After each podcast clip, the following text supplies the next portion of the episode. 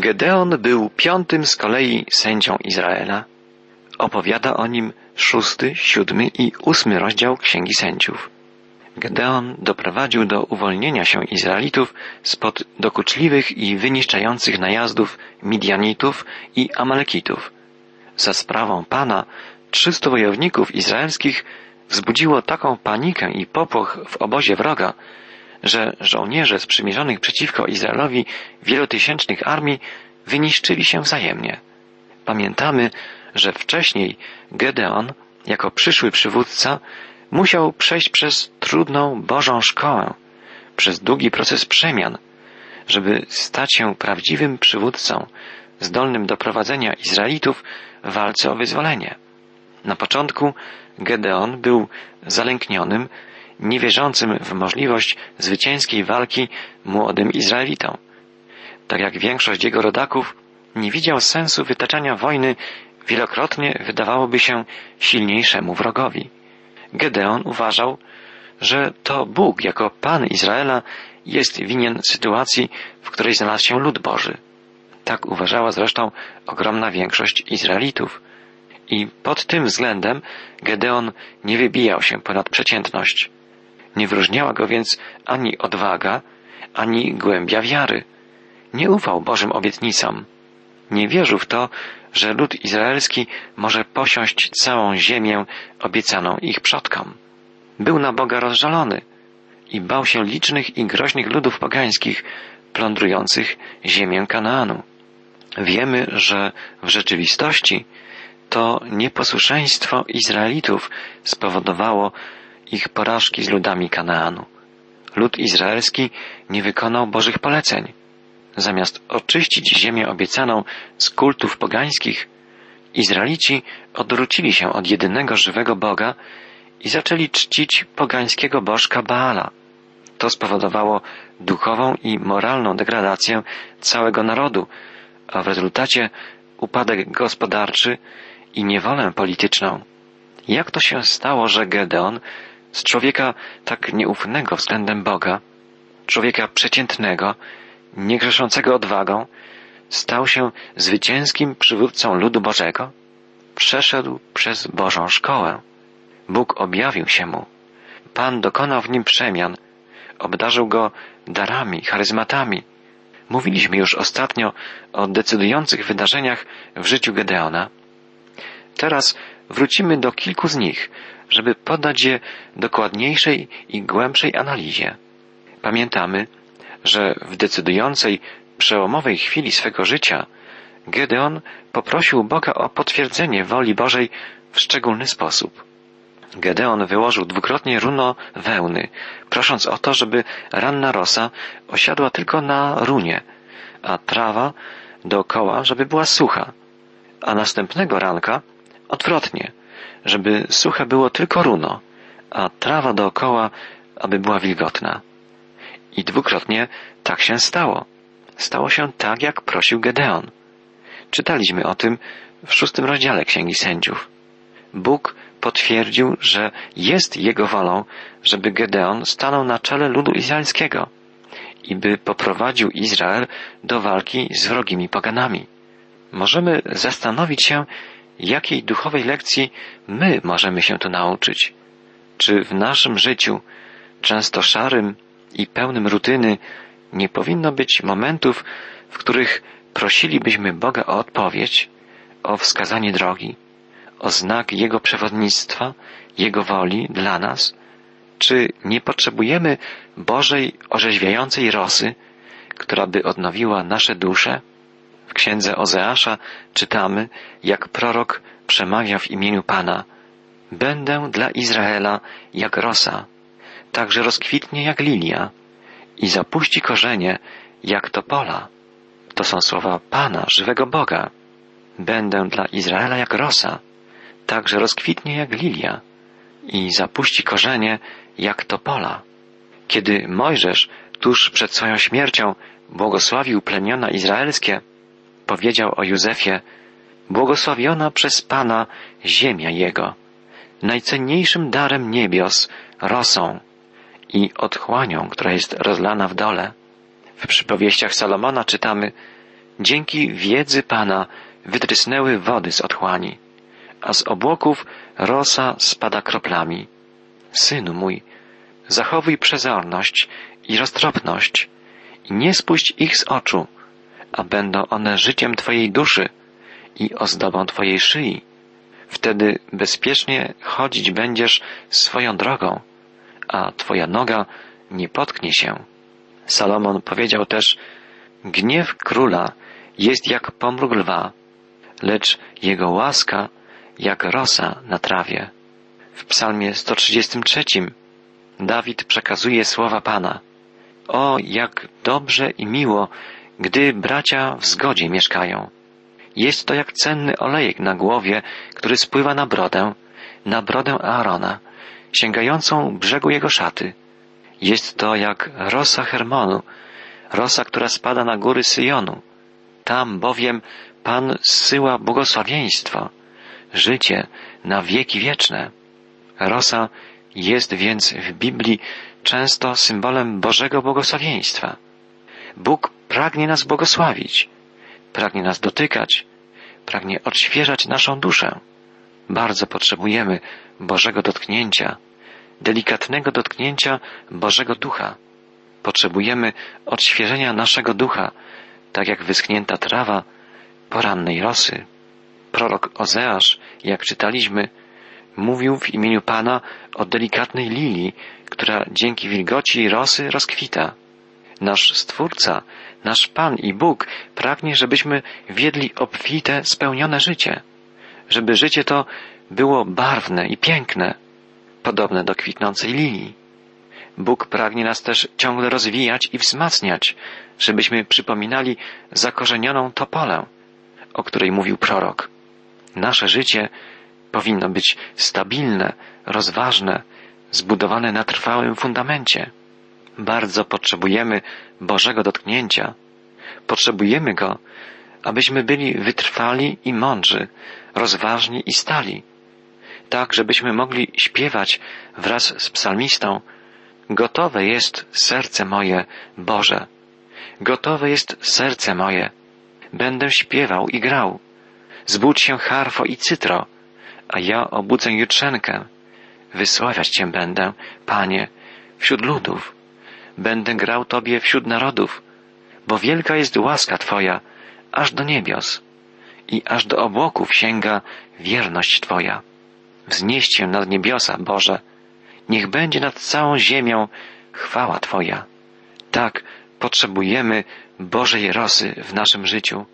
Potrzebujemy Jego chwały, Jego mocy. Potrzebujemy Bożej rosy w naszym życiu, by było ono czyste, by było uświęcone, a także obfite, spełnione, szczęśliwe. W drugim liście apostoła Piotra czytamy Umiłowani, starajcie się, abyście znalezieni zostali przed Nim bez skazy i bez nagany. Apostoł Paweł w swoim drugim liście do Koryntian wzywa natomiast umiłowani, oczyśćmy się od wszelkiej zmazy ciała i ducha. A więc i apostoł Piotr, i apostoł Paweł wołają o to samo, o to byśmy pragnęli oczyszczenia, odnowienia. Zarówno w Starym, jak i Nowym Testamencie znajdujemy wezwanie Boga świętymi bądźcie, bo ja jestem święty. Tak, potrzebujemy Bożego dotknięcia, potrzebujemy odnowienia Bożego i oczyszczenia, jak wyschnięta trawa porannej rosy.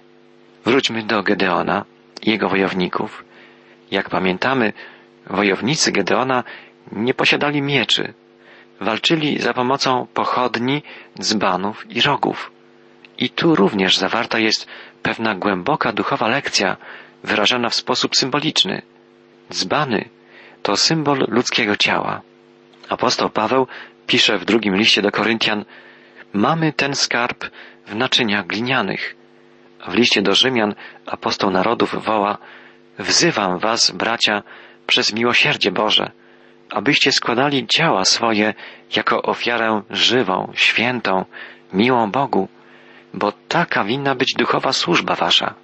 Gdy dzbany w rękach wojowników Gedeona zostały rozbite, zajaśniało światło ukryte w nich, światło pochodni, płomień, jeśli nasz egoizm, nasza pycha nie zostały jeszcze rozbite, nie może poprzez nas świecić światło Chrystusa. To nie naszym wytworzonym własnym wysiłkiem światłem powinniśmy świecić, ale światłem Pana, światłem Zbawiciela świata, Jezusa Chrystusa. Prawdziwa światłość przyszła na świat, pisze apostoł Jan. I ta właśnie światłość powinna być widoczna w nas, w naszym życiu.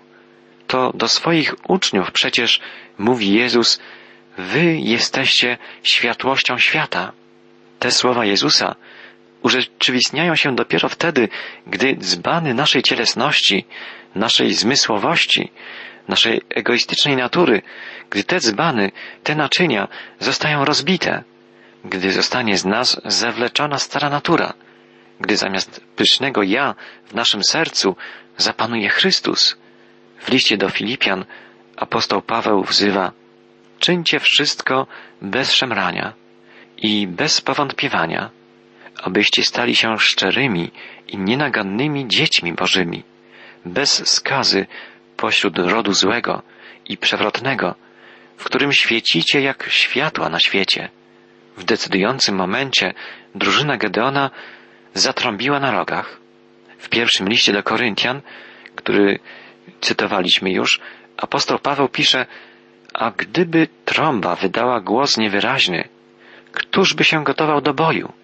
Nasze życie ma być wyraźnym świadectwem o Jezusie, ma być głośną zapowiedzią Jego powtórnego przyjścia, ma być jak głos rogu, oznajmiający chwałę Pana.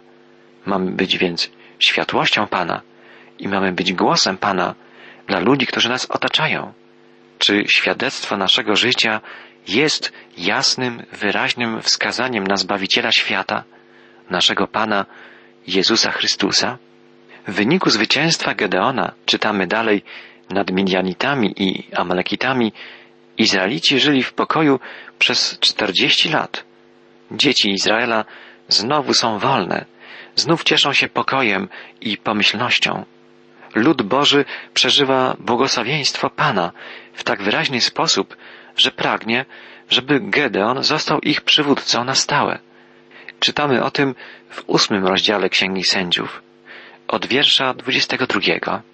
W tym czasie mężowie izraelscy rzekli do Gedeona, panuj nad nami, ty, twój syn i twój wnuk, ponieważ wybawiłeś nas z rąk Midianitów. Po raz pierwszy w Piśmie Świętym czytamy o tym, że Izraelici zapragnęli mieć króla, tak jak inne narody. Gedeon jednak odmawia przyjęcia godności królewskiej i przypomina ludowi, że Bożym zamiarem było i jest, by bezpośrednim ich władcą i panem był sam żywy Bóg, Pan Izraela. Wiemy, że później Izraelici ponawiali swoje żądania, aby Bóg dał im króla.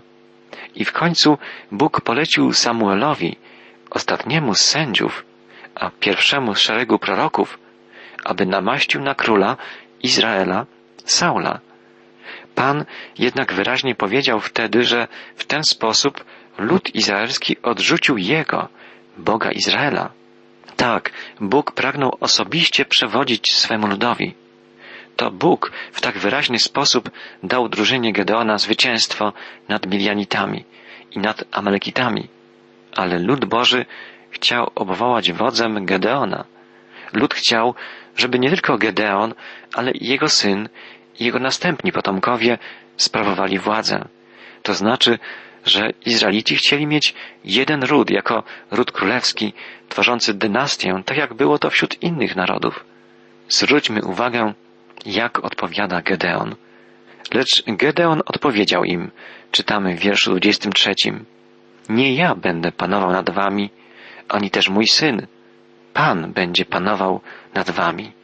Widzimy, że Boża szkoła, przez którą przeszedł Gedeon, nie poszła na marne. Ten młody człowiek, który kiedyś mucił zboże swego ojca w ukryciu przed Midianitami, pełen lęku i zwątpienia, niedowiarstwa, teraz wie, że jest sługą Boga i wie, że to Boża moc decyduje o losach człowieka i o losach narodu. Gedeon był w pełni świadomy tego, że to nie jego siły ani zdolności, ale Boża moc i Boża wola sprawiły, że Izrael odniósł wielkie zwycięstwo i odzyskał wolność. Drogi przyjacielu, zapytajmy siebie samych, czy nam towarzyszy na co dzień świadomość, że w naszym życiu zwyciężamy tylko wtedy, gdy ufamy Bogu, gdy wierzymy w Jego obietnice, w Jego słowo? Czy w pełni jesteśmy świadomi swojej słabości i czy w pełni dostrzegamy moc Boga?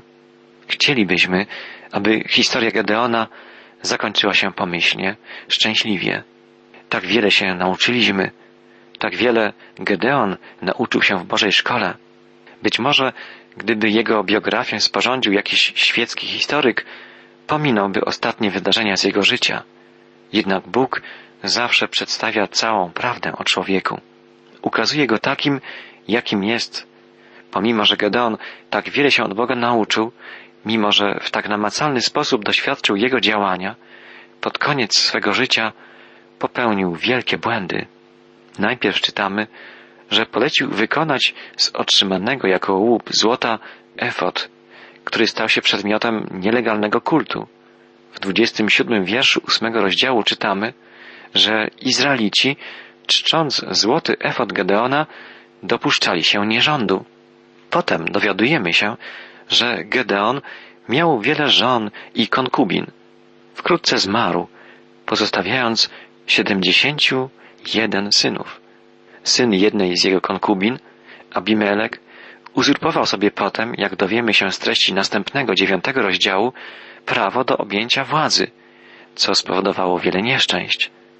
Tak więc nieczystość kultowa i nieczystość moralna Gedeona spowodowały, że zamiast trwałych korzyści ze zwycięstwa nad ludami pogańskimi, Izraelici po raz kolejny pogrążyli się w niemoralności i bałwochwalstwie.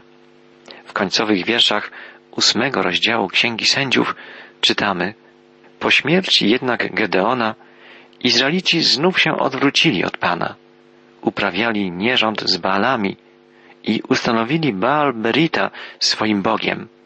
Izraelici znów nie pamiętali o Panu, Bogu swoim, który ich wybawił z rąk wszystkich wrogów dokoła.